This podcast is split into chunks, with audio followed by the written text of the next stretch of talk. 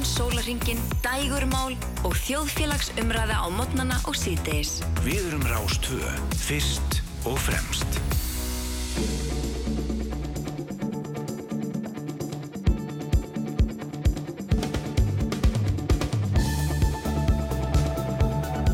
Sýteis útvarpið, alla virka daga frá fjögur til sex. Það er síðdeis útvarpið sem helsar ykkur kæru hlustundur á, á miðugundegi núna í kjölfarið á, á æsispennandi leik okkar manna uh, á EM. Við erum hér í hlóðveri Kristján Freyr og Guðrún Dís.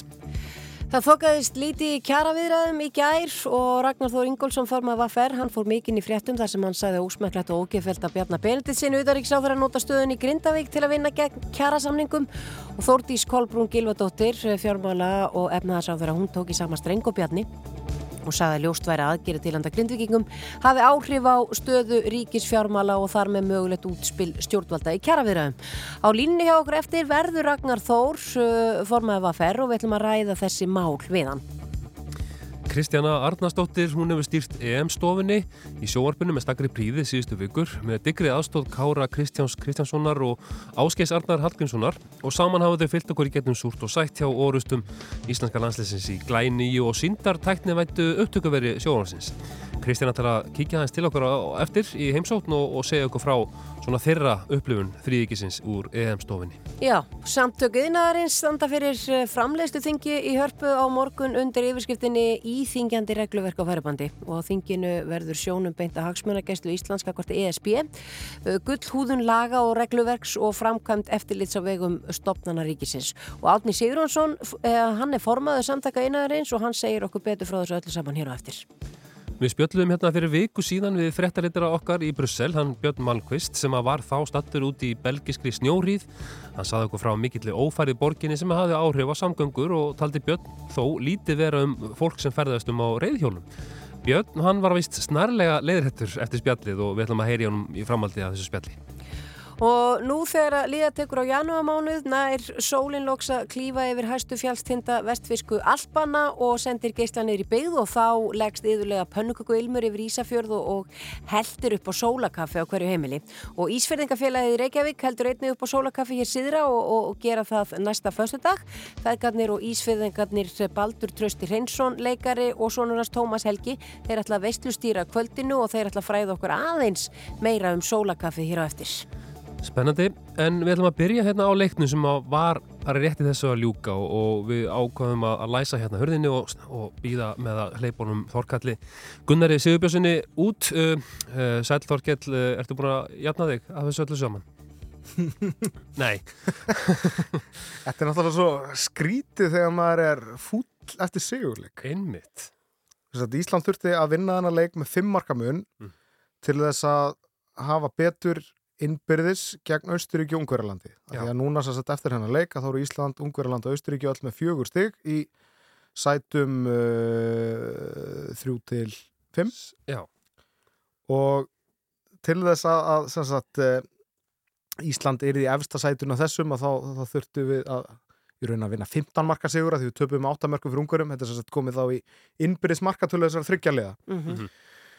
Uh, þannig að það var ekki nóg að vinna Östuríki af því að Ungverjarland er ennþá jamt þessum tveimu liðum, þannig að við þurftum að vinna þennan leik með fimm marka mun til þess að fara þá upp fyrir Östuríki ef að þetta endar svona sem sagt. Þau eru öll með já. Þannig að við erum núna í fymtasæti og Östuríki og Ungverjarland koma þar í sætunum fyrir ofan. En eina vonin okkar núna á þessum ólimpíu möguleika og við erum að tala um náttúrulega möguleikana og leikana að það er að Ungverjarland vinni eða gerir jafntefni við Frakland á eftir. Af því að þá komast ungverjar upp í 5 eða 6 stig og þá eru bara einu liðin með 4 stig Ísland og Östuríki. Og að því við unnu leikin á þann að þá færust við upp með sæti. Já. Og er þetta raunhæfur möguleiki, Þorkell, að ungverjar gerir jafntefni eða sigri frakkana? Sko, frakkar er náttúrulega með miklu betra lið. Þeir eru olimpíumestarar og eru bara tvei bestu lið mótsins eru Frakland og Danmörk. Svíjar koma kannski eitthvað starf þar á eftir. Uh, En frakkar eru öryggir í undanúslitinu þegar. Að þeir gætu, okkar vonið svo að þeir bara kvíli sína leikil menn. Sendi bjeliði? Já, svona þannig. og svona, já, spilið hennar leik svolítið svona bara með hangandi hendi En vest er að bjeliðu þeirra er örgulega bara alltaf gott Það er það, en, en ungverjaland ásmá möguleika þá að komast í undanúslit þannig að veist, við erum að vona einmitt að frakkarnir bara svona mæti slagi eftir leiks og ungverjar horfi í það að Sigur haldi möguleikanum allavega ennþá á, á lífi með, með undanúslit Já. Þannig að þetta er hægt en hins vegar bara fenginni reynslu, þetta er bara þegar við erum að treysta okkur önnur lið, þegar við erum búið með okkar leiki, það verður einhvern veginn aldrei farið vel. Þannig að já, ég er nú svona alveg temmilega svart sín.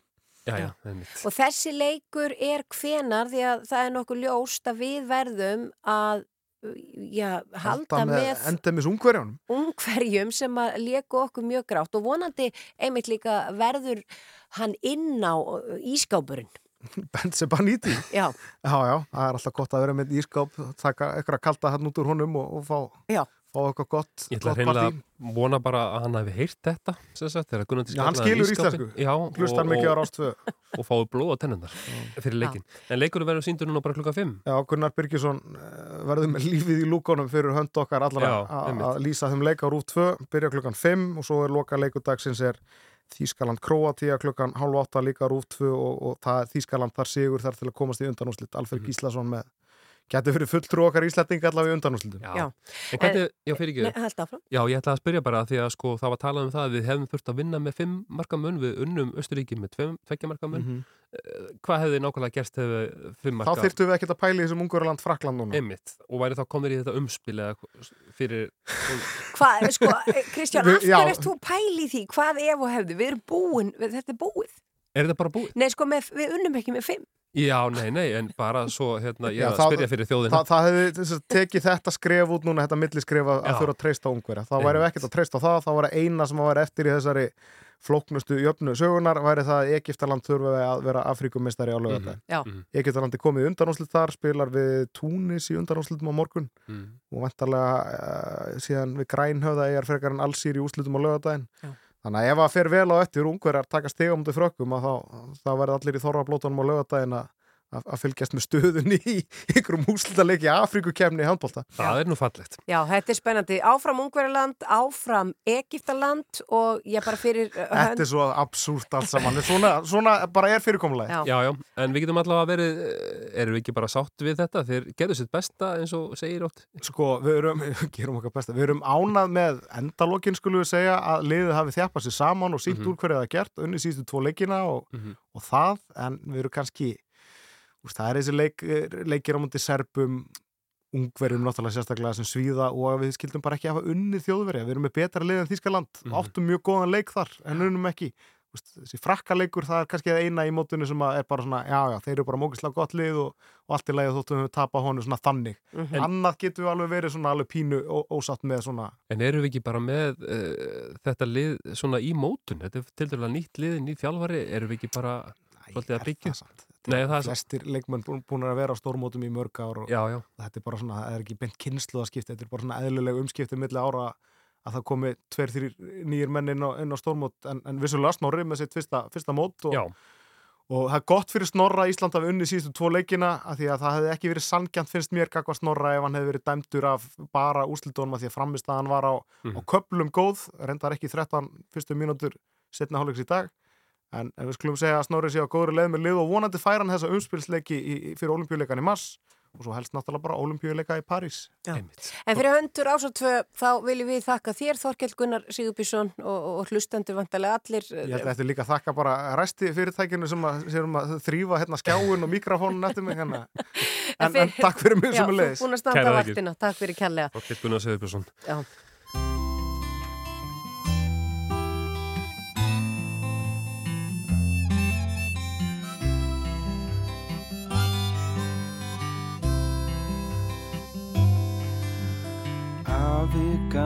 Sagði stundum sögur Um sæfara á kröppum ólgu sjó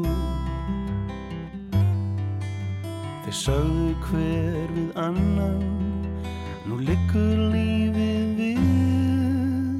Að gerum betur Að gerum betur okkar, gerum okkar, gerum okkar, gerum okkar besta. Og aðeins betur ef það er það sem þarf. Já, við gerum okkar, gerum okkar, gerum okkar, gerum okkar besta. Og aðeins betur ef það er það sem þarf. Við látum hendur standa fram úr ermum Hendur standa fram úr ermum Látum hendur standa fram úr ermum og ekkert þras Síðan voru frænkurnar í fyrði Á ferð á milli bæja í miðjum mars. Þá brast á afsa viður Þar gáðust ekki upp Sögðu að gerum betur. Að gerum betur, já. Gerum okkar, gerum okkar, gerum okkar, gerum okkar besta. Og aðeins betur ef það er það sem þarf. Við gerum okkar, gerum okkar, gerum okkar, gerum okkar besta aðeins betur ef það er það sem þarf. Við látum hendur standa fram úr ermum. Hendur standa fram úr ermum. Látum hendur standa fram úr ermum og ekkert þras. Býðum ekki hendur með í skauti Harkan sex er það sem koma skal. Og ef hann blæs á móti Við eigum við því svar bara. Að gerum betur að gerum betur. Gerum okkar, gerum okkar, gerum okkar, gerum okkar besta og aðeins betur ef það er það sem þarf. Já, gerum okkar, gerum okkar, gerum okkar, gerum okkar besta. Og aðeins betur ef það er það sem þarf. Við látum hendur standa fram úr ermum Látum hendur standa fram úr ermum Látum hendur standa fram úr ermum og ekkert þras. Allir saman nú, samtaka nú. Allir saman nú, samtaka nú. Rástvö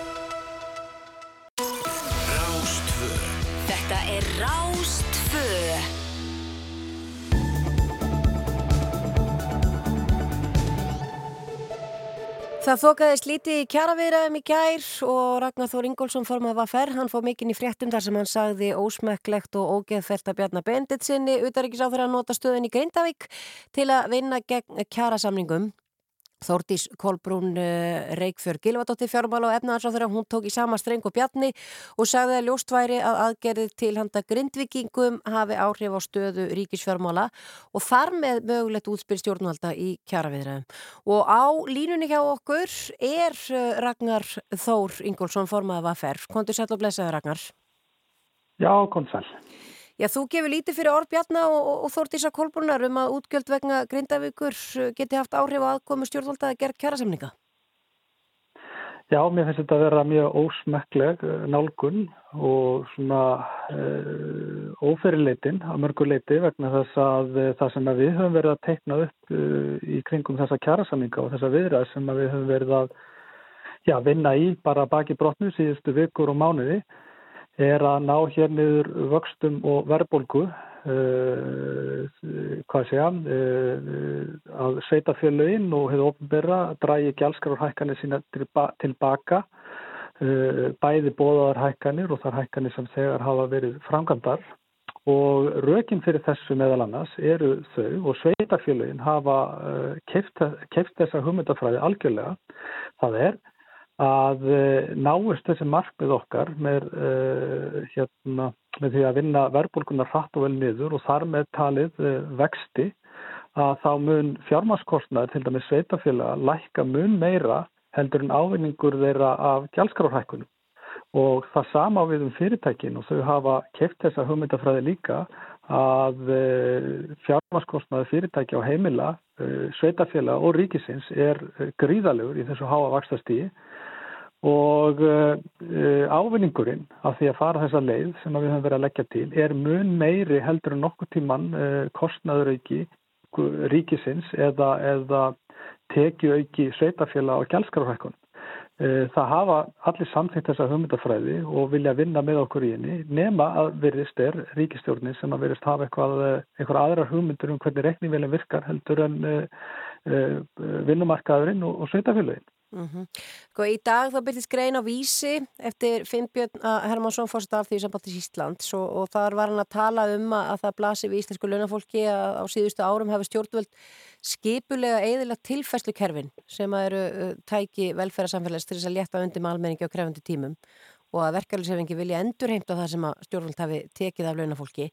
Getur aðeins útskýrt þetta fyrir okkur og, og svona hvaða er sem þið viljið ná tilbaka þarna? Já, ef við tökum bara til dæmis vakstakostnað heimilana e, frá því við undurritum kjærasamlinga í desember 2022 þá hafa stýrivextir hækkað e, um 3,25% e, og það þýðir einfallega ef við tökum skuldir heimilina að heimilin hafa tekið á sig á þessum stuttarsamningstíma hærri upphæðir í aukinni greiðslubyrði heldur en það kostar ríkið að koma til móts við grindvikinga með því að kaupa upp allar eignir. Þannig að þetta er stærðagráða sem að fólkið okkar í landinu hefur verið að taka á sig í auknum kostnað og vakstabyrði sem að Sælabankin hefur skellt á okkur og okkar herðar.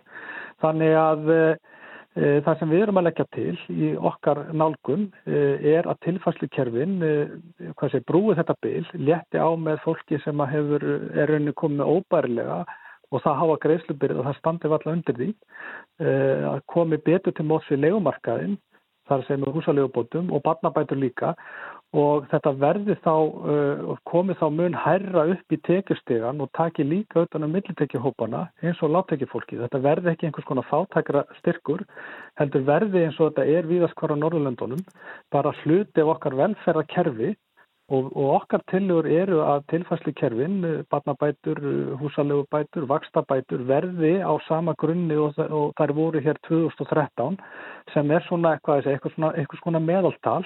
En hinga til hafa þau uh, verið nánast þurkuð út af uh, núverandi ríkistjón sem að, uh, já, hefur svona kerfispundi verið að finna út þennar stöðning, mikilvæga stöðning til heimilana Uh, og, og jú, eins og ég sagði á hann hefur Sælabankin líka verið að röfsa launafólki fyrir verðbólku sem að uh, almenningu ber ekki nokkra einust ábyrð á. Þannig að uh, þetta eru viðfáðsefnun okkar. Læri kostnaði að lifa öflura tilfæslukerfi, bótakerfi og stuðningskerfi vil ég fyrir ekki að kalla það og síðan kjærasamlinga sem að vonandi geta stuðlað af kaupmætti til lengri tíma. Mm -hmm.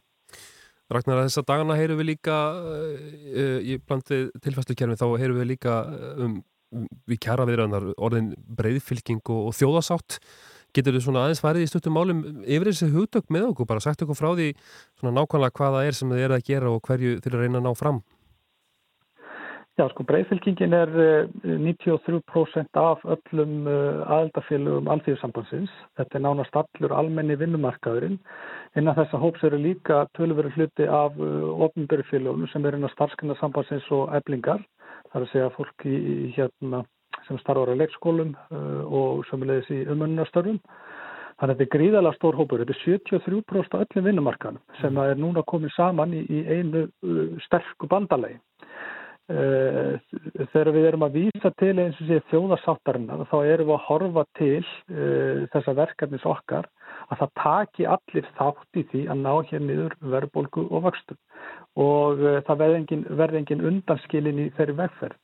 Og uh, við erum auðvitað að gera eins, eins, hugsa þetta eins og var gert til dæmis í þjóðarsáttarsamningunum að forsendu ákvæði kjærasamninga verði með þeim hætti að það getur engin sko, skorast undan því að uh, taka þátt. Ef að fyrirtækin til dæmis fara bara að hækka verð og hækka álægningu og arsemuskrufu, þá hafi það afliðingar. Þá eru samningar annarkvæmt lausir ef að verðbólgumarkmið nást ekki eða það kemur einhver ábót ofan á samningin okkar. Við erum að teikna rauninu upp kannski svona hugmyndafræði sem að tala svolítið í, í, í átt til þjóðarsáttar samningana sem voru gerðið hér 1990 uh, og uh, já, svona með uh, fleiri þáttum heldur en bara uh, sko þetta launahækkunum. Það eru tilfæslukerfi sem ætti að skila lág og millitökir fólki 30-50 skrónum aukalega er ástofn að tekja á mánuði. Þetta eru mikilvægastu krónurna sem við getum samið um, eru þar sem eru ekki sé, skatlaðar.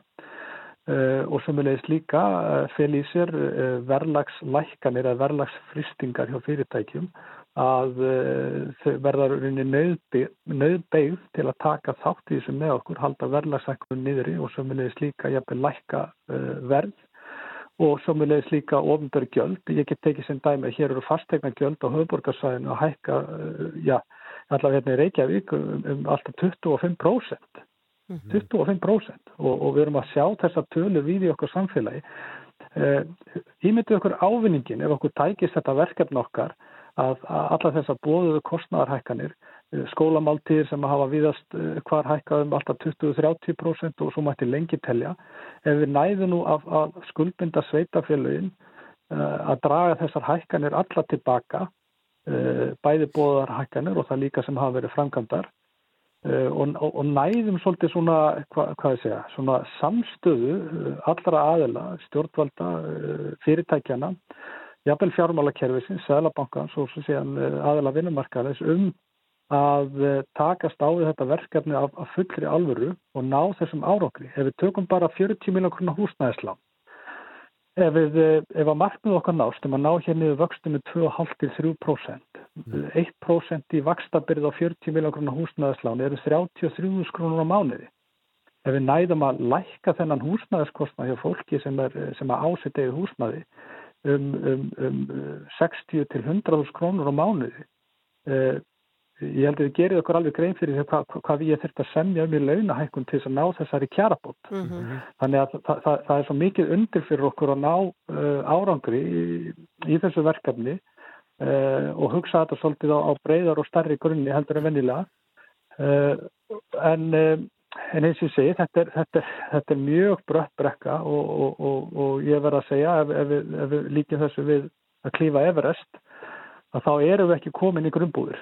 Nei. Og það eru, eru langa erfiðasti hlutin eftir. Já, en eins og í ljósi atbyrra síðustu daga og þessara ummæla sem hafa fallið, hvernig er hljóðið í fólki? Er það enn von góð?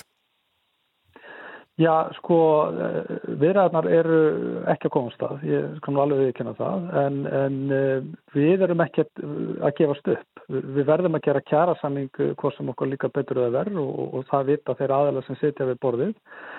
Með hvaða hættis á samningur verður, eh, verður hann hefðbundin kjærasamningur eins og til dæmis var gerður hérna í desember síðastliðin, þar sem að voru, hækkaninu voru svona þó nokkrar, hérna, en, en eh, hvað ég segja? Eh, en eh, verðlægið og verðbólkun átt þá upp eiginlega bara mörgum mánuðin fyrr en það er átt að duga. Eða ætlum við að reyna að breyta þess af leið og, og, og reyna að fá fleiri að borðinu til þess að gera hér einhvers konar já, við getum kallað þetta lífskjara samning 2.0 eða, eða, eða, eða samning sem er eitthvað í átt við einhvers konar þjóðarsátt með ákomið svo að, að fleiri félögum þegar að við sjáum kannski eða mögulega sjáum til lands í þessu verkefni og þá, þá, þá geti ég alveg trú að því að kemur fleiri að en, en, en þetta er rauninni bara það leiðir sem eru búið. Já. Ragnar Þór Ingólfsson formaði að fær takk kærlega fyrir að vera á línni hjá okkur og gangi ykkur vel. Takk samanleis.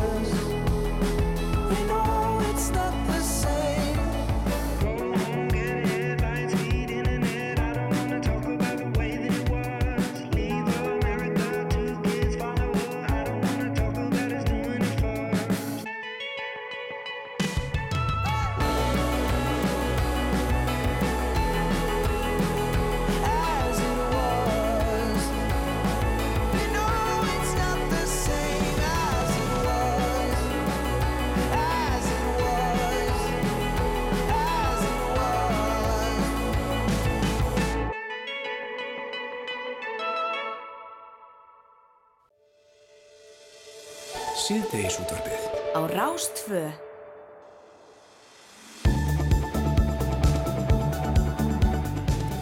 Við spjöllum hér fyrir viku síðan af, uh, já, við, hérna, við heyrum í fréttaréttar okkar í Brussel, hún er byrni Malmqvist og þá spjöllum við um uh, samgöngur í, í Brussel, það sem að var einhver snjórið þarna eða eins og hann kallaði kannski föl á, á þessum tíma, en uh, það var ófærið borginni sem að hafði áhrif á samgöngur og taldi Björn þá lítið um það að fólk væri að ferðast um á reyðhjólum. Í kjölfarið var Björn snarlega leðrættur og, og meiri sér á samfélagsmiðlum sáum við eh, hérna, markum það. Og við verðum nú að heyra aðeins betur af þessari framhaldsögu uh, Björn ert á, á línunni Já, ég var að tala um hjólreðar hérna í Brussel í síðustu viku í allri snjókomunni hérna síðasta miðvíku þá var ég myndið að segja að ég var stættur í hverju sem heitir Skarbekk og, og hérna sá bara enga hjólreðamenn og, og, og var svona einhvern veginn að spá því að það væri ekkert voðlega mikið verið að hjóla hérna í borginni í þessari færð sem að var fyrir viku síðan. En mér var nú snarlega bent á það að það væru ímsir á hjólum hér þótt að snjóaði. Á meiri segja fólk á Íslandi var að, var að sína með myndbönd af, af hjólreðamönnum í Brussel og Svo komst ég í samband við konu sem heitir Tinna Finnbóðadóttur, hún er stafsmæður sendiræðsins eh, hérna í Brussel og hún hjólar á hverjum einasta degi, sama hvernig veðrið er, einhverja tíu kílometra heima frá sér niður í sendiráð. Ég fekk Tinnu til að spjalla eins við mig, Tinna, varstu í alvöru að hjóla þarna síðasta miðvíkudag? Heldur betur. Þetta var nú ekkert mjög við það sem maður eru hjólað í heima, sko. Nei, ég veit það alveg, ég veit það alveg. Það er kannski svolítið mála að hjóla hér heldur en heima. Um, já, svona einhver leiti. Veist, það eru, það er ekki skapningsvélar komnar að stað um, um leið og byrjar að snjóa og þessu kannski ekki endilega við haldið að það skildi snjóa meira. Nei, nei. Uh, en ég var alveg hissa, sko, svona þessi, það sem er mert sem hjólastígar var bara nokkuð vel skafið, svona allavega daginn eftir. Já. En gangstjættar Alls Ekki en það er mjög mikið af, hjóla, af hjólafólki hérna, ég menna, og kannski sérstaklega þegar það er auðjörð.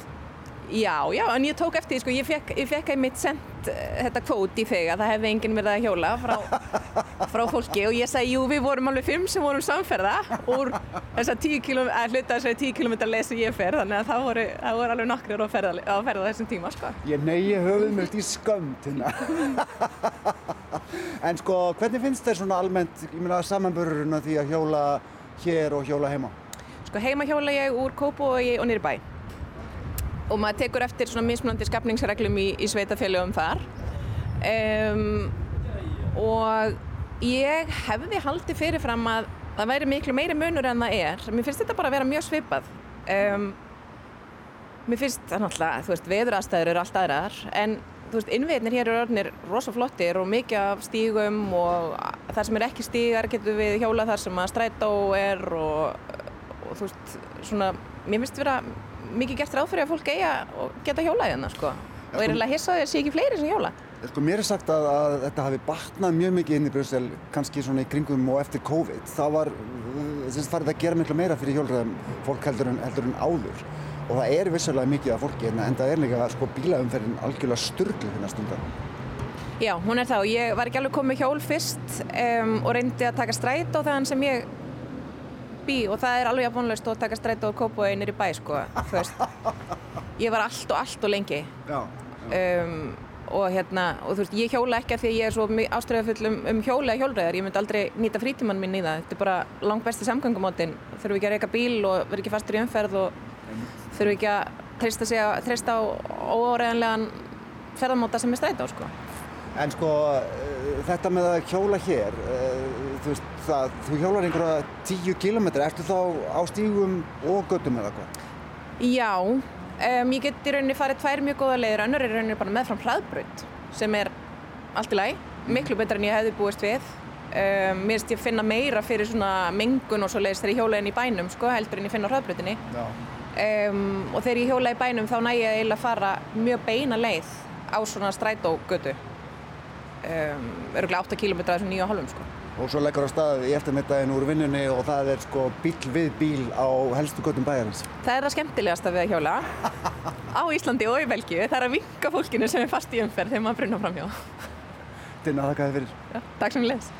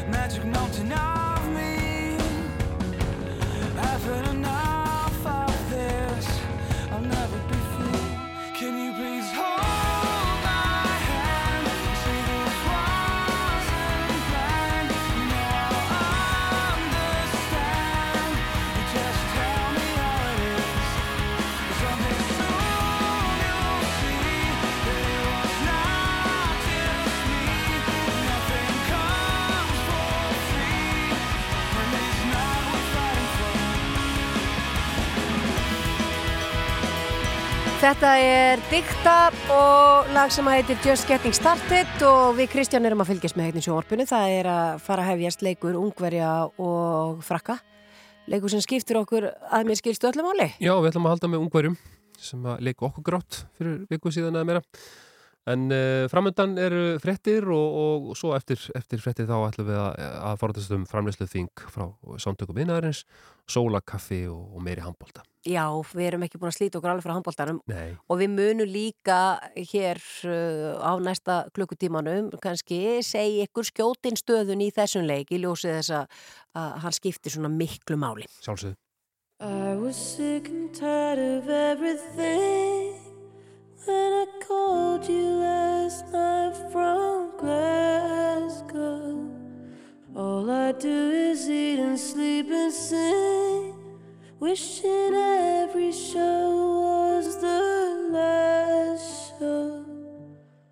So imagine I was glad to hear you coming. Suddenly I feel alright. And it's gonna be so different when I'm on the stage tonight. Super trooper lights are gonna find me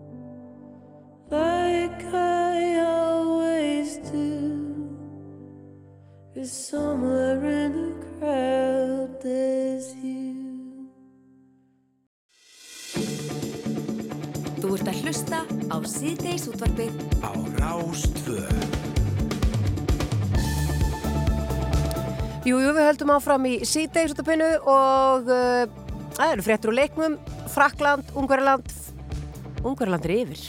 Heldur betur, 3-1 komin og næstu, næstu þrjálmyndu linnar. Já, þannig að við þurfum bara Flautið þetta af, flautið þetta af núna. En svo leiðis það, þannig að uh, þetta skiptir allt saman máli og frakka voru að henda boltana bara út af. Bara meira svona, strákar. Það erum getur að- kannski erum að- farið að breyta sér í Þorkil Gunnar hérna Já, ég ætlaði að mynda að að segja, við erum að skáka honum hérna í beinni útsendingu. Farið að lýsa. En við höfum ímislegt eftir að gera á þessum klukkutíma. Við ætlum að forvöldast um sólarkaffi og eftir og svo ætlum við að fá Kristjánu Arnarsdóttur til okkar eh, sem er búin að vera með EM-stofun og stýra henni með stakri príði Já. til að svona aðeins bara já, gera upp uh, kannski mótið fyrir okkur er varðar Íslandinga og, Mhm. og, og svona bara segja okkur frá stemmingun í stofunni. Já, hefur líka vakið aðtikli EM-stofan fyrir, hérna, fyrir tækni og annað slíkt. Hvað var það, hérna, þetta er svona einhvers konar, hérna, síndarveruleiki einhvers konar, síndartækni sem, sem að þau beittuð í, í stúdíónu og svo náttúrulega var hún líka með, með tvo, tvo hérna, skósina með sér sem voru nýjir. Afbræðspilta. Já, akkurat, akkurat. Heyrum meira því á eftir. En við ætlum að snú okkur að öðru. Uh, Samtök einaðarins standa fyrir framleyslu þingi í hörpu á morgun undir yfirskriftinni íþingjandi regluverk á færibandi og á þinginu verður sjónum beinta hagsmunageslu Íslands kakvært ESB, gullhúðun laga og regluverks og uh, framkvæmt eftirlits á vegum stofnararíkisins. Og hinga til okkar er komin Átni Sigurjónsson og hann er formaður samtaka einaðarins uh, og við ætlum svona bara aðeins að forvætast um þetta. Velkomin. Takk fyrir ekki alveg. Það er hérna nöðsett að ná spennusteginu niður sko og fjallum íþingjandi regluverk meðan fólk er svona að- að me- melta hann að leika á þann og, Já. og, og, og svona fylgjast með hérna, næstu leikjum. Létt, létta stemninguna með létta íþingjandi regluverki. Já, já, já. En Það var alltaf vel við. Þetta uh, þing ykkar hefst á morgun í hörpu og, og segðu okkur aðeins frá bara yfirskriftinni íþingjandi regluverk á færibandi.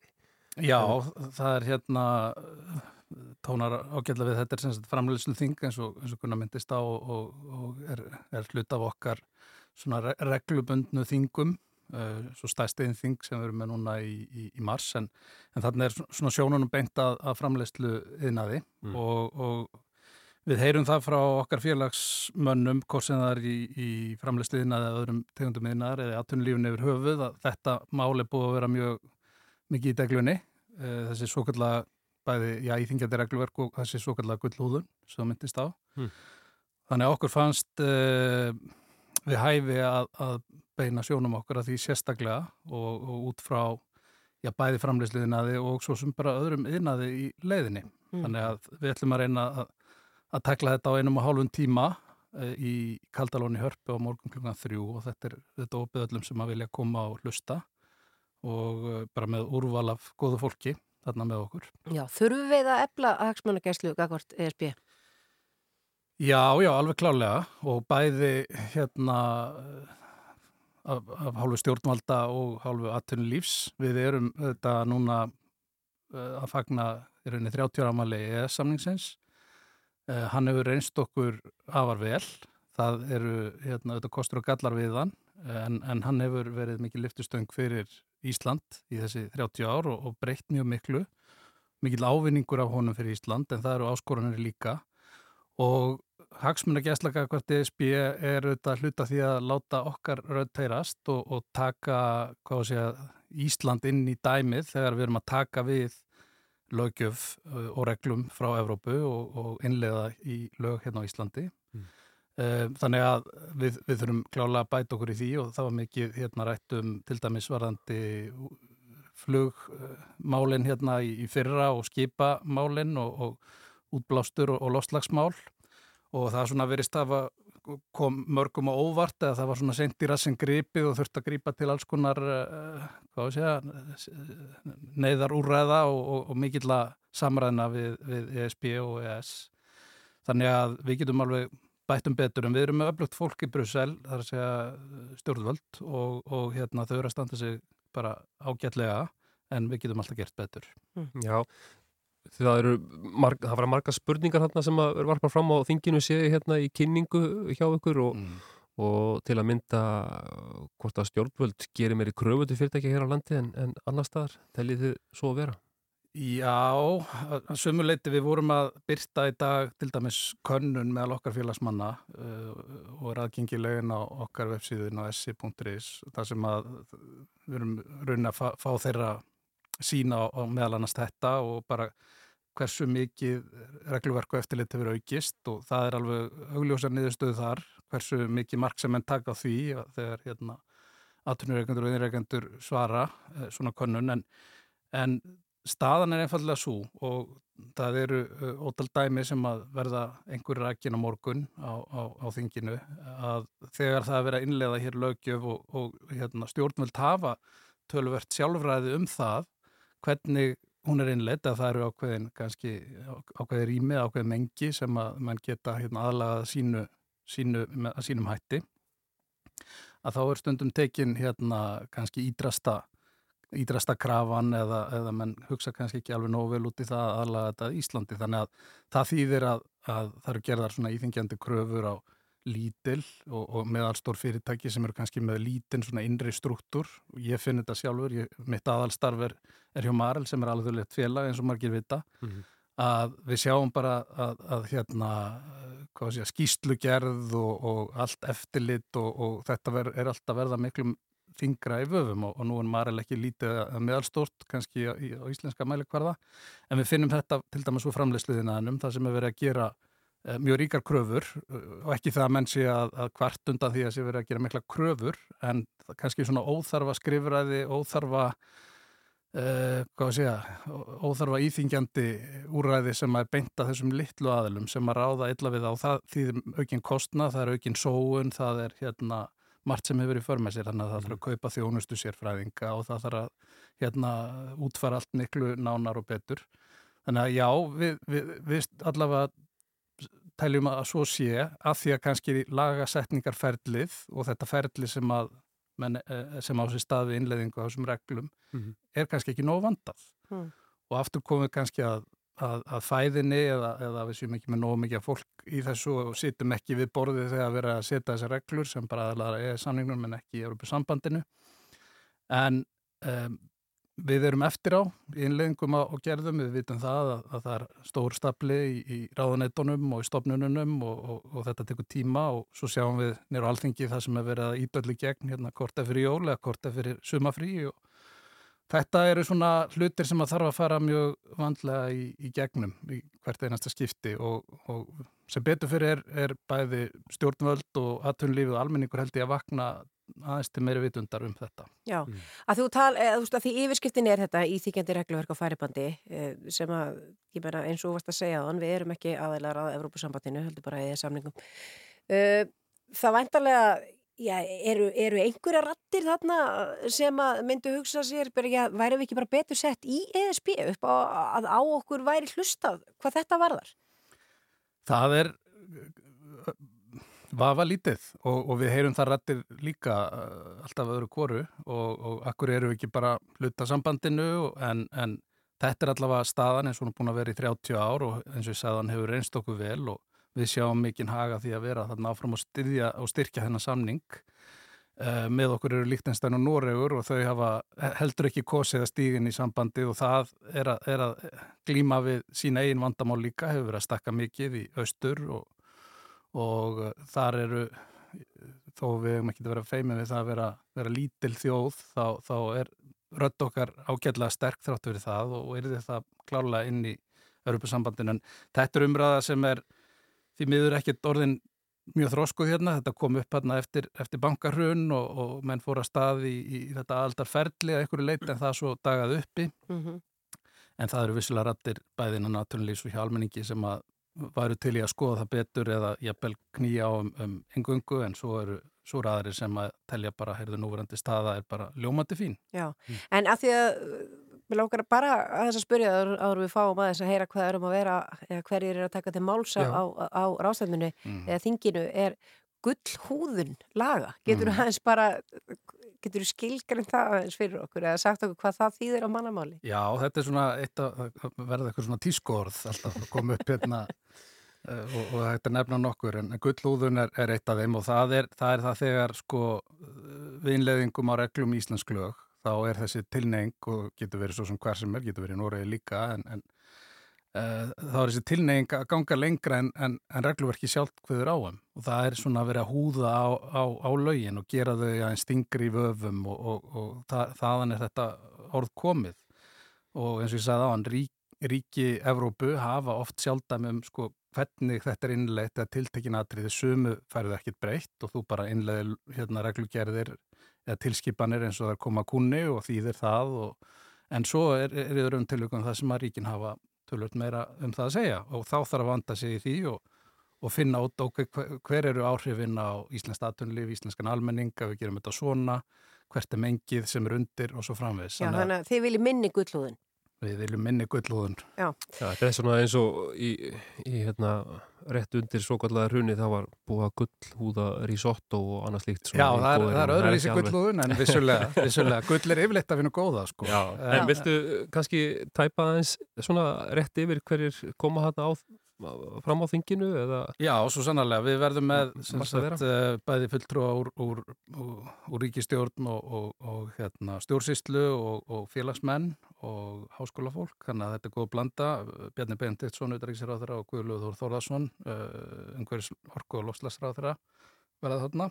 Mhm. og uh, Guðlúður hefur verið mjög áhersam til dæmis um að greina þá, sinn málaflokk hvað þetta varðar og, og við höfum vona að, að það byrti eitthvað til í því að segja svo greining verði kynnt von bráðar og svo verða þarna uh, félagsmenn uh, Þorstin Víglundsson sem er fórstýri Horsteins og, og Sigri Hrefna Hrafkjelsdóttir fórstýri Nova Sirius, uh, Björn Ingi Viktorsson fórstýri Steipustöðvarinnar og, og Guðrún Halla Finnsdóttir sem er frangatastjóri hjá Norðuráli um, og uh, Haldur Haldursson, fórstur íslenska kalkþörungafélagsins, þannig að þetta er fólk úr mjög ólíkum geirum uh, innan, innan framlegsliðinaðar og uh, svo erum við með uh, Sigrun Ágústóttur, fórstur umhverfistofnunar sem ætlar að vera með okkur og Ragnar Átnason, uh, professor emeritus. og uh, svo erum okkar fólk Ingól Bender og Sigur Hannesson og, og, og, og Sigriði Móhansen og, og Lilju Björk Guðmundsdóttur sem er nýri yfirlögfræðingur hjá okkur í ESI þannig að Þannig að verður... Ég held ég sé ekki að gleyma Margrét Doddsdóttir, framstjóri ESA, þannig að þetta, þetta er mikið mannval og það, er, það verður alveg hérna, áhugavert að sjá hvernig við náum að gera þetta einum og hálfum tíma en, en við erum svo sem öllum vöni í því, sko, að Já. gera, gera þetta í gegn. Einmitt. Flott er, uh, fyrir þá sem vilja fræðast meira um þetta, það er bara að fara á? Algjörlega, og, og það má kynna sér einmitt þessa körnun og, og fleira í, í kringum þetta. Og það er íþingjandi regluverk á færibandi uh, yfirskrift fram, framleyslu þings samtaka innarins sem að fer fram í Kaldalunni hörpu á morgun. Klukkan þrjú. Já, Já. einmitt. Átni Sigurósson, formaður uh, SI, takk fyrir að koma til okkar. Kæra þakkir.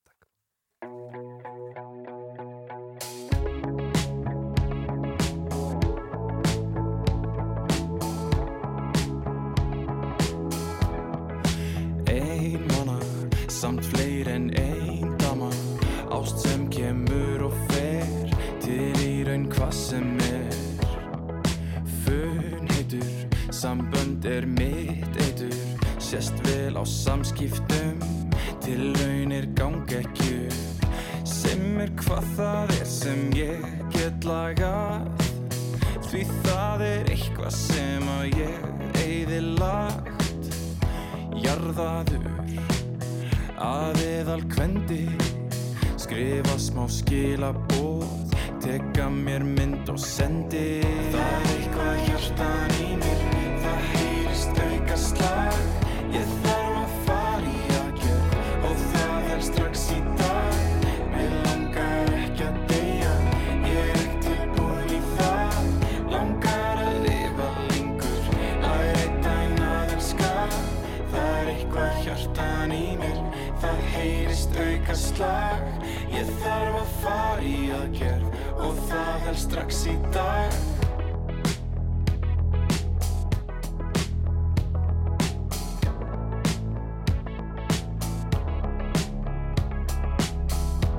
Ætla ég hinga Eða fer ég þanga Erfitt að segja til Í miðju stjórnleysi. Fastur í lúpu eins og hart teknólag Langar að elska en er ófær um það. Þrá að þrá. Langar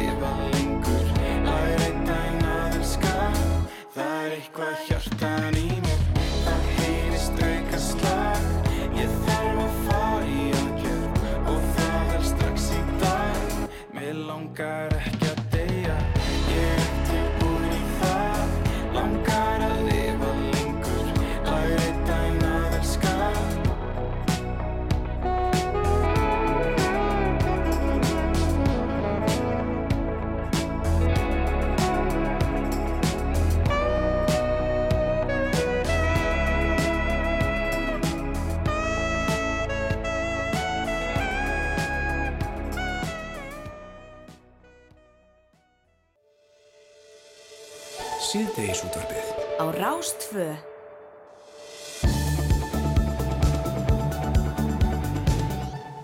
Jú, uh, Kristjana Arnarsdóttir, hún hefur stýrt EM-stofinni hér á Rúf með stakkri príði síðustu vikur með digrið aðstóð Kára Kristjáns Kristjánssonar og Áskis Arnar Hallgrímssonar.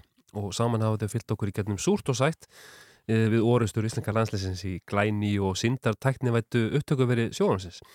Uh, Kristjana er yngvað komin, ertu búin að jafna þig eftir, eftir uh, leikinn áðan? Ó, veistu, ég bara veit ekki. Nei, eiginlega ekki. Þetta var eins og segir, þetta er svona í gegnum súrt og sætt. Þetta er búið að vera svona oftar súrt einhvern veginn, en þú veist, svo erum maður bara, hérna, að auðvitað, þú veist, þetta var sigur í dag. Uh, það er að sjálfu sér jákvægt, en, en hann var ekki nægilega stór Mm. og eins og leikurinn er að spilast Ungarland-Frakland, að þá eru frakkara með þetta svona svolítið í sínum höndum eins og er um, en þetta þarf að spila setnálingi líka við sáum það áðan að það er ekki nóg að spila bara fyrirhálingin þannig að þetta er búið að vera, já, svolítið svona súrt og sætt En ég meina þegar þið fóruð þann, þú og Kári og Ásker inn í, í, í hálfleikin, Mhm.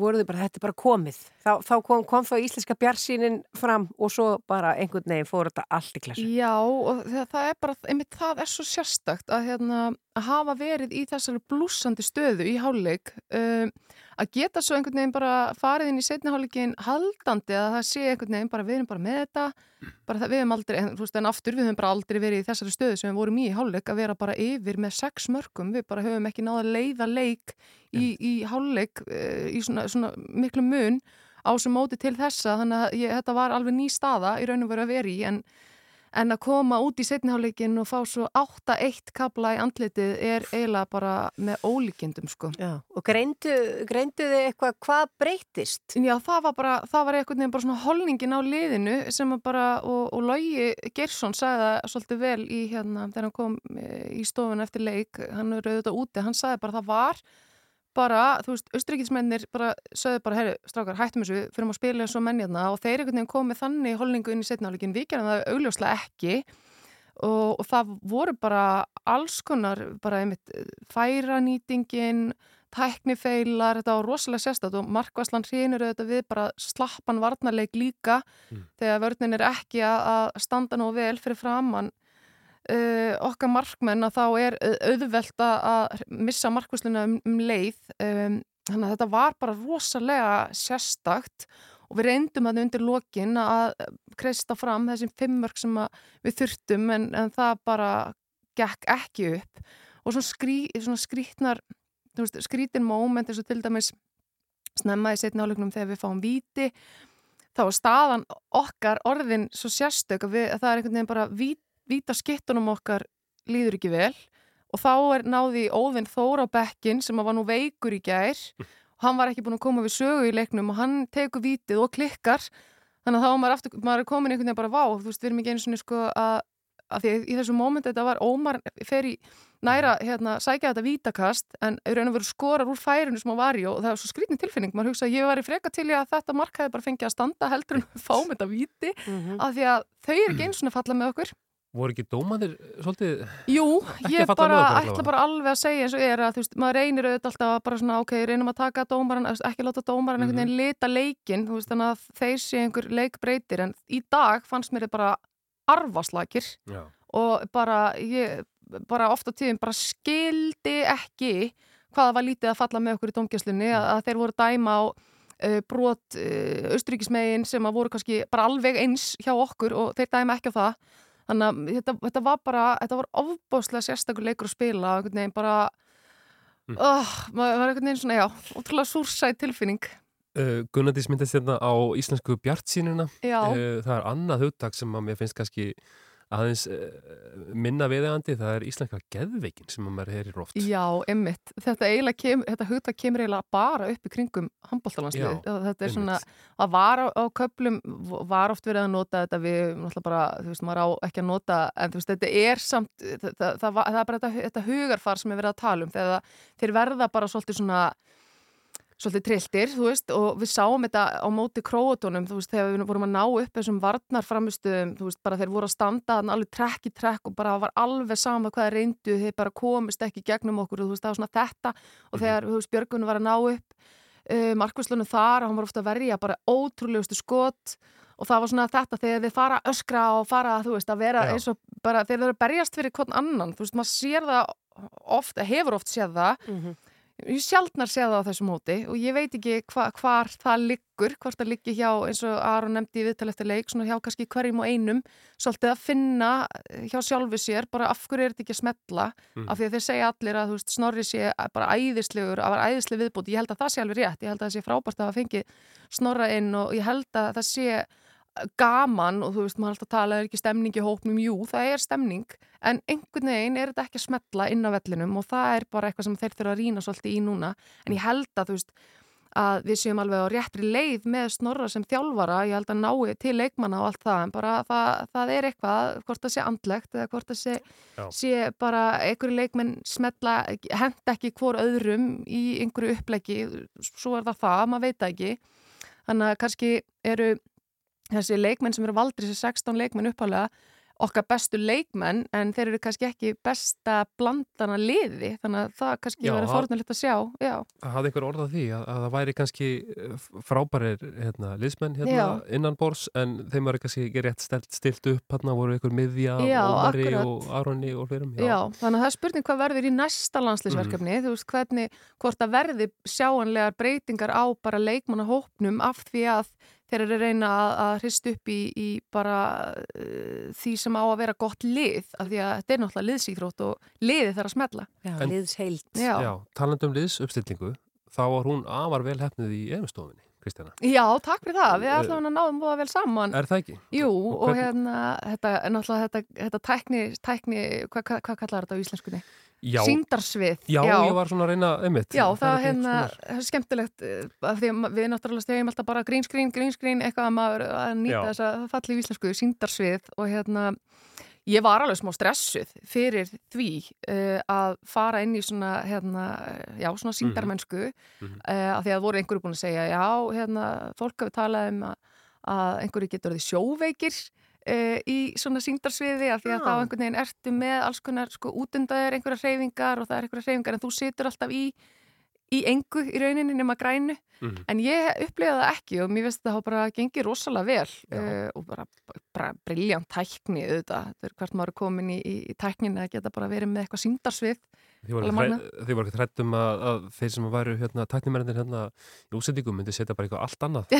Svo þeir væruð á skipi einhver staðar í Já, það er náttúrulega allt eitthvað. hægt, það er allt hægt í þessu, við hefum bara getað hérna morfað okkur yfir í einhverja, einhverja undarlega veröld ef að, ef að sá gállin hefði verið á þeim. En, en nei, ég, maður treystir þeim náttúrulega til að gera þetta eh, vel og gera þetta frábælega og ég held að, að þetta hafa verið svona, einmitt, svolítið skemmtilegt uppbrot líka, hefði verið miklu skemmtilega þetta hefði, hefði liðið eh, náð betri árangu, hefði maður kannski getað sínt alls konar fagn og stemningu og, og hérna, en þetta var svona meira kannski svolítið svekkelsi og, og súrir leikmenn Já. En mm, er ekki búið að vera bara mikil ánæða með Kára Kristján og, og Ásker Arnar? Ég held það, ég allavega heyr ekki annað og ég er bara gríðalega ána með það og þeir eru náttúrulega m- svona ólíka típur í grunninn en uh, mér finnst það bara smetla rosa vel og, og bara einhvern veginn hvernig þeir vinna heimavinnuna og koma undirbúnir og, og hérna, hafa auðvitað sína sína kannski áherslur, voru náttúrulega að spila ekki sömustu af vellinum, þannig að þeir kannski horfa líka svolítið mismunandi á leikin uh, og geta þá komið með alls konar svona punktar sem að hinn hefðbundni áhuga maður heim í stofu kannski pikkar ekki alveg upp, þannig að það er ótrúlega gaman. Ég held að við flest skiljum lítið í þessari íþrótt ef, ef Já, sko, þetta er nefnilega þegar ef, maður, ef, ef við myndum bara setja ykkur núna bara on the spot og segja bara, já, já, herðu, hérna, ég ætla að segja, hve, hvenar vorum við að spila besta sóknarleikin? Það, það er kannski, þú veist, maður gleymur þessu svolítið svona hratt, maður bara horfa leikin og það er eitthvað flæði í gangi og maður er að horfa hérna, bara hvernig boltinn fer um allan völl, maður er ekki alltaf kannski átt að segja á nákvæmlega hvaða kerfi eru hér og þar, en Mhm. þeir eru náttúrulega fljótri að spotta þetta. Kunnið alls saman. Já, kunnið alls saman. en Íslenska liðið hefur lokið keppni Mhm. núna en, en ekki þið, þið hefur ekki lokið keppni þið ætlaði að vera áfram í settinu eitthvað Já, við verðum í úslitaleiknum á, á sunnudag og það er náttúrulega kemur í ljós bara á föstu dag hvaða lið munu leika til úslita undan úslitaleikin verða þá, fyrirleikurinn er eh, núna, eh, um, þe- þetta leiti þar að segja, 16.30-17 og, og setni leikurinn svo 19.30 og, og Danmörk er komin í, í undan úslit og, og að öllum líkindum verða það Þískaland sem mætir þeim. Eh, kemur náttúrulega allt í ljós í kvöld, Þískaland mætir Kroatíu og svo er það Svíþjóð og Frakland í hinnum uh, undan úslitaleiknum og, og hérna, meðaukana frakkarnir hafa verið á þessum móti og þetta er mér ekkert ósennilegt að þeir færu í úslitt og Danirnir raun og verið sumu leis. Er þetta koma óvart á þessi lið séu komið þetta Nei, langt? ég myndi ekki segja það að Danirnir eru bara, þeir eru með ótrúlegt lið og að að horfa á þá er bara, þú veist, þeir eru með svo leiðis breiðan mannskap og, og það, já, þannig að ég hef bara, það kemur ekkert óvart uh, og frakkarnir auðvitað náttúrulega bara eru olimpíumistarar og þeir eru bara algjörlega geggjaði líka, þannig að það, það að við séum að treysta ungverja gegn þeim var ekki, allavega í mínum bókum svona, ég var með óbræð þar sko Já. en það getur ímislegt gerst Já, og talandi um það, staðan í leiknum núna eh, er Frakland 20, Ungverjaland 17. Þannig að Já. þetta er ekki, þetta er ekki mikill munur. þetta er ekki mikill munur. Nei, Það það er er enn vinna von, það er Já, já. enn von, Kristjana. En Kristina, á lokum, viltu spá eitthvað í ústöldaleikin? Ef það er Um, Danmörk-Frakland? Ég held að Danirnir verði árumestrar Það er svo leis. Ég held það. Já.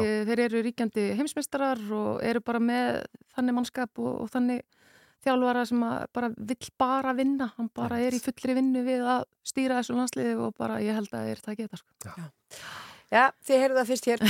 Takk fyrir Kristjana og, og bara við hvetjum alltaf til þess að fylgjast með EM stofunni á uh, sunnudaginn. Heldur betur. Takk, takk.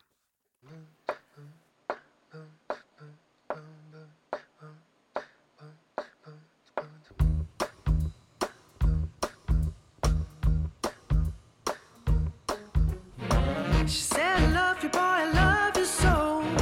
She said, I love you, baby, oh,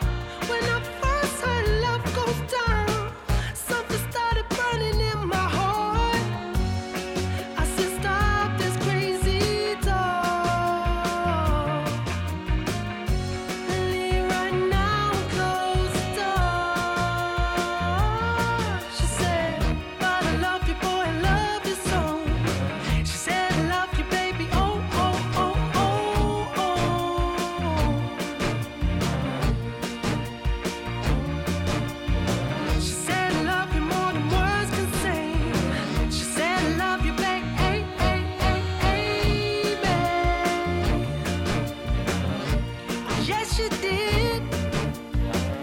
So now I'm up in the courts, pleading my case from the witness box. Telling the judge and the jury the same thing that I said to the cops on the day that I got arrested. I'm innocent, I protested. She just feels rejected. Had her heart broken by someone she's obsessed with. Cause she likes the sound of my music. She makes her a fan of my music. So why love goes down, makes her lose it. Cause she can't separate the man from the music. And I'm saying all this in the stand. When my girl cries tears in the gallery, this has got bigger than I ever could have planned. Like that song by the Zootons Valerie. So the jury don't look like they're buying it. And this is making me nervous. Arms crossed, screw face like I'm trying it. The eyes fixed on me like a murderer's. They wanna lock me up and throw away the key. They wanna send me down, even though I told them. She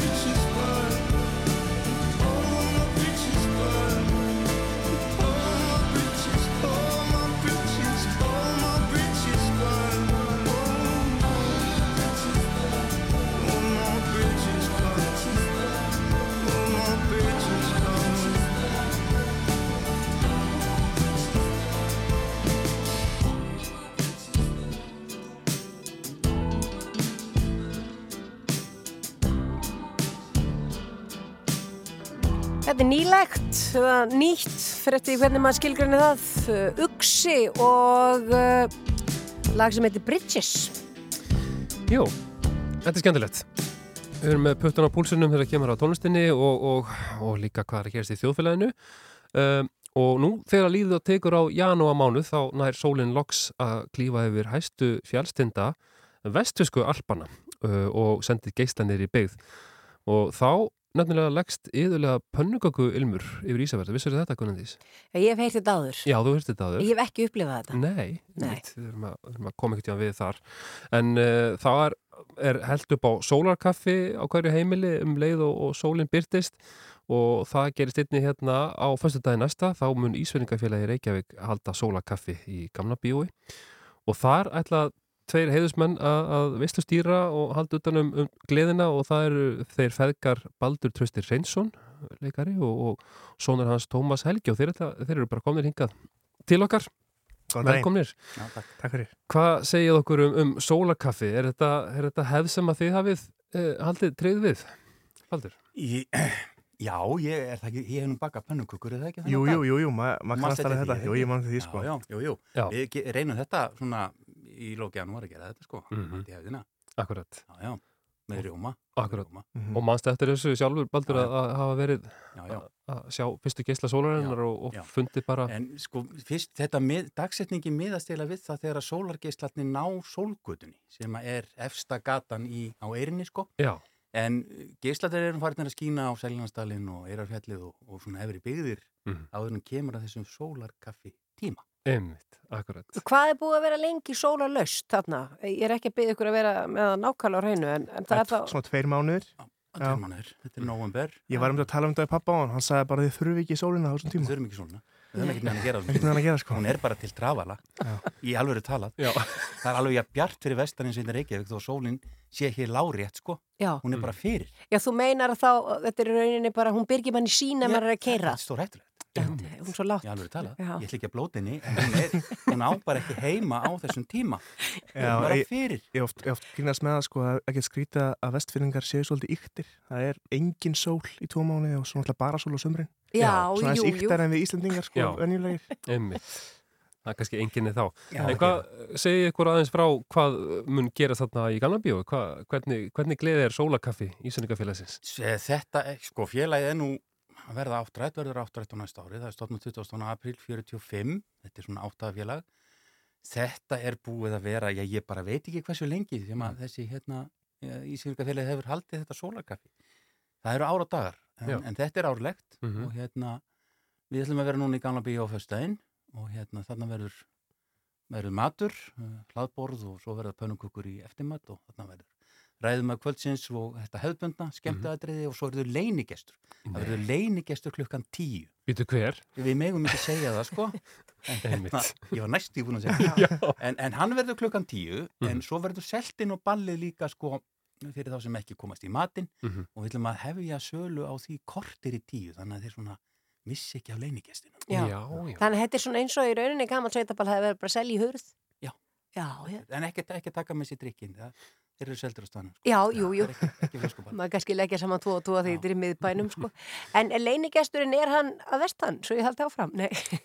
Sko það fer eftir því hvað er að vera vestan. Já. Já. Hversu mikill vestfyrringur er hann? Já. ég hef sann sé svona 30%. Mhm. Það náði því alveg örgulega. Hvað myndur segja að ég væri? Þú, þú ert nú fættur á Ísafjörði, það er 30%. Já, ég fætt, já, 30% já. Nú, já, já. Það- Næ, Báður ættirnar eru þar líka, sko. Þú ert með, með það með þér einhvern veginn. Já, svo, svo myndi ég segja, ég var, ég var svona 30% á ári, kannski, Já. á Ísafirði. Þannig að ég, ég skal taka sér 30%, ég veist það mjög góð, sko. En þetta er ekkert, verður ekkert mælt við hurð endilega. Nei, sem sagt það verður ekki, þú prósentur, ert ekki að sanna. Allir velkomnir. Nei, allir velkomnir, húsu opnar klukkan hálf sjö. Já, einmitt. Að En þetta er einmitt svo, þetta er svo að við vorum að tala um þetta líka hérna aðeins áður en við opnum fyrir hljónumann. Hvenar verður maður eitthvað? Mhm. Eftir, og það eru mörg, einmitt smerri byggðarlög sem Mhm. eru grjótörð á því að þau hleypa engum inn í samfélagi. Að því hann er ekki fættuðar og svo framvegis. Nei, Þannig að, ég, ég held að taki alltaf einhver tíma sko. Já. En ég held að samt sem áður þetta sé alltaf val hvers og eins. Til dæmis þeir sem hafa flutt á Ísafjörð, fólk sem að, að kemur, kom til Ísafjörð 20-30 ára gamalt sko. Mhm. Að það kallaði þessi Ísfjörðing eftir 10-15 ára á Ísafjörði Mhm. og ef það valdi það þá er það bara gott og gilt, finnst mér sko. Mhm. já. Er, er, er ágæti skilgering á því að, ef maður ákveður að maður láta jarða sig þar? Já. Er maður þá orðin? Já, það held ég. 100% Það er bara, það er bara gallarður Ísfjörðing. Já, ég hef nú samt séð leggstein hérna sem stendur sko nafni og svo aðgóðum maður hérna neðan. Já, sko. Já. en, en, en, en það er gaman að svona áttafélagin, ég spurði um Kristjana því áðan hvort einhvern veginn hefur stopnað uh, nýfstalingafélagið á Ísafjörði Ég finnst það alveg stórkostlega hugmynda því Ísafirði. að svo að bara komið fram sko þá náttúrulega er ég ekki ísveitingur en ég er nýfstalningur hérna nágranni. En það var náttúrulega voru öðruvísi samgöngur á þessum tíma þegar félagið kannski. En þetta hefur verið vettvangur uh, sólarkaffi fyrir uh, brottflutta og, og, og ísfyrringa sem að búa hér á höfbrukarsæðinu og annar staðar til að hittast og, og kætast saman og, og það verður raunin núna á föstudaginn og, og þið ætlaði að vestustýra. Já. Já. Er þið búin að æfa einhver, einhver sirkusatrið og, og allt hvað enna? Eða? Já, við erum búin að hittast. Vísnaskapur einhver? og- Þetta er fyrst getur sem gerum þetta, kannski verðum við svona ekki í, í, í er framtíð. svona óskarnum sko. Já, Já. já. Nei, nei, við verðum hann með Halldór Smára verður hann með okkur og, og við, við, við gerum eitthvað skemmtilegt. Já. Það er- Ef við höfum tíma til þess, þetta er svo því að það skrá sko. Já. Það er ekkert annað. Þannig að það verða mikið um, já, vestu skemmtjadrið. Já. En allir velkonir þar að segja nágrannar Já, Ísfyrðingar líka. Við höfum alltaf haft haf, dittnar opnað fyrir öllum. Já. Fyrir vini Ísfirðinga. Fyrir vini Ísfyrðinga. Já. Það hljómar vel. Vini Ísfyrðinga. Það ljóma vel. Þetta verður príma sem sagt á einu sinni enn staðning og Já, gamla bíó, húsi opnar klukkan hálf, já, glimt að taka það fram. Það eru einhverju miðar eftir en, og söflu líkur að háti á morgun. Og þetta er á föstudaginn. Já, er ekki, sko... Þetta er á föstudaginn. Já, já, já, já, miðursölunni líkur á morgun sem sagt og, og svo hérna er hægt að kaupa miða á okkar ball hérna eftir Já, á það sem að... já. Húsið á sléttunni leikur fyrir dansi. Já, það er hérna Ísvesk gljómsett. Og frá Bólungaví. Já, já, Já, já. 75% Nú, já. 75% í Ísvesk gljómsett. ég segi bara góða skemmtun þið allir þrýr, þú lítur að með að koma út úr Nýfstall Já, kannski vera svona norðamegin í salnum einhvern veginn, bara fyrir nýsta þannig að ég segi bara að þetta verður aðeinslegt partí, bara góða skemmtun Takk fyrir. Takk Baldur. Tómas og Baldur, gerða þekki fyrir Baldur komuna. Tröstir Heinsson og Tómas, já Takk. Takk fyrir.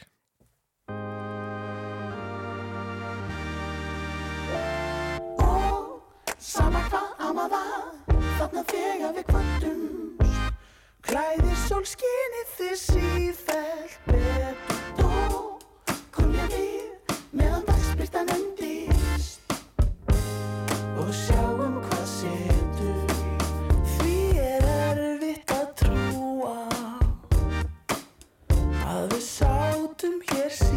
síðast í haust. Núna hangi sólinn á fótum. Að því er virðist endalaust.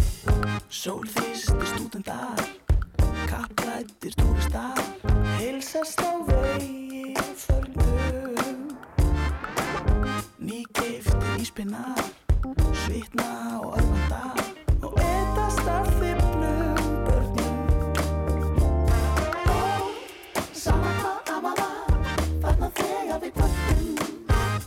Klæðir sólskinið þið sífellt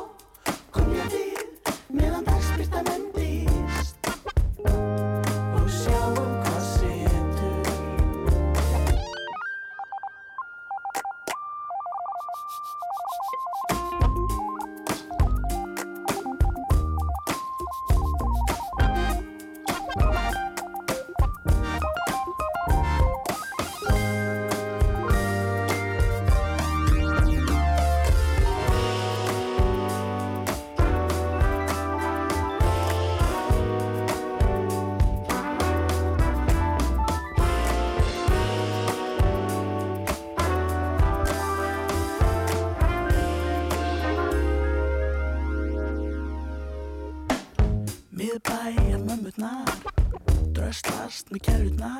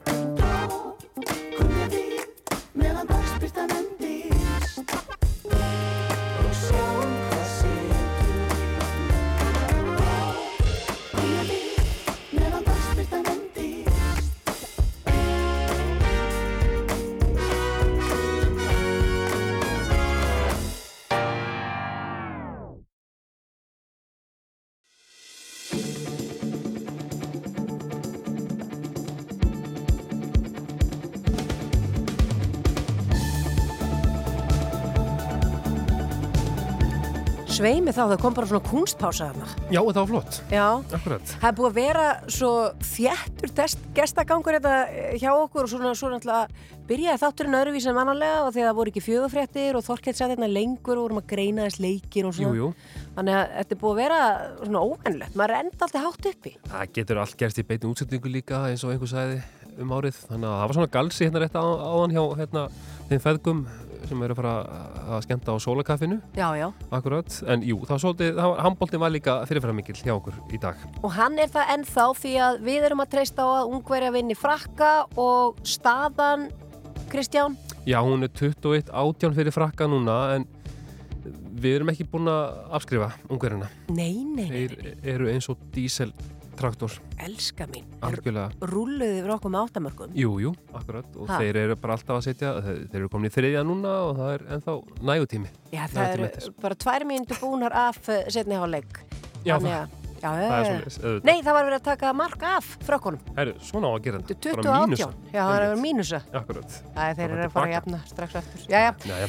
Við ætlum ekki að reyna að vera með eh, lýsingu hér í beinni en uh, já, það er ýmislegt sem er búið að vera hérna í gangi hjá okkur í dag eins og var sagt, við verðum hér á sama tíma bara á morgun, Jú. fymtu dag Algjörlega. þannig týnist tíminn segi ég nú bara Já, aldeilis. Þessar vikurnar það er bara að fljúa. Já. Það er einhver leiðend að spá uh, ég held að vera kvast þannig að uh, tjekkja hans því það er einhver gul viðvörun sérstaklega mm. suðvestanverðu landinu þannig að bara svona búið okkur undir það Já, takk fyrir að fylgja okkur í dag.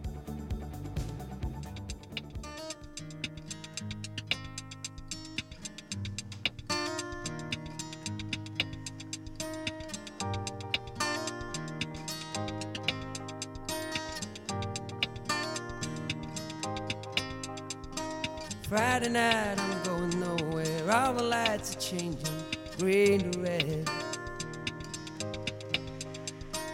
Turning over TV stations, situations running through my head. Looking back through time, you know it's clear that I've been blind, I've been a fool. To open up my heart to all that jealousy, that bitterness, that ridicule.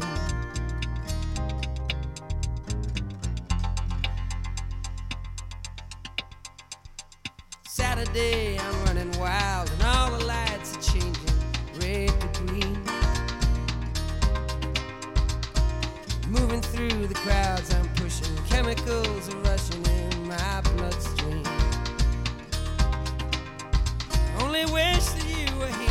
know I'm seeing it so clear. I've been afraid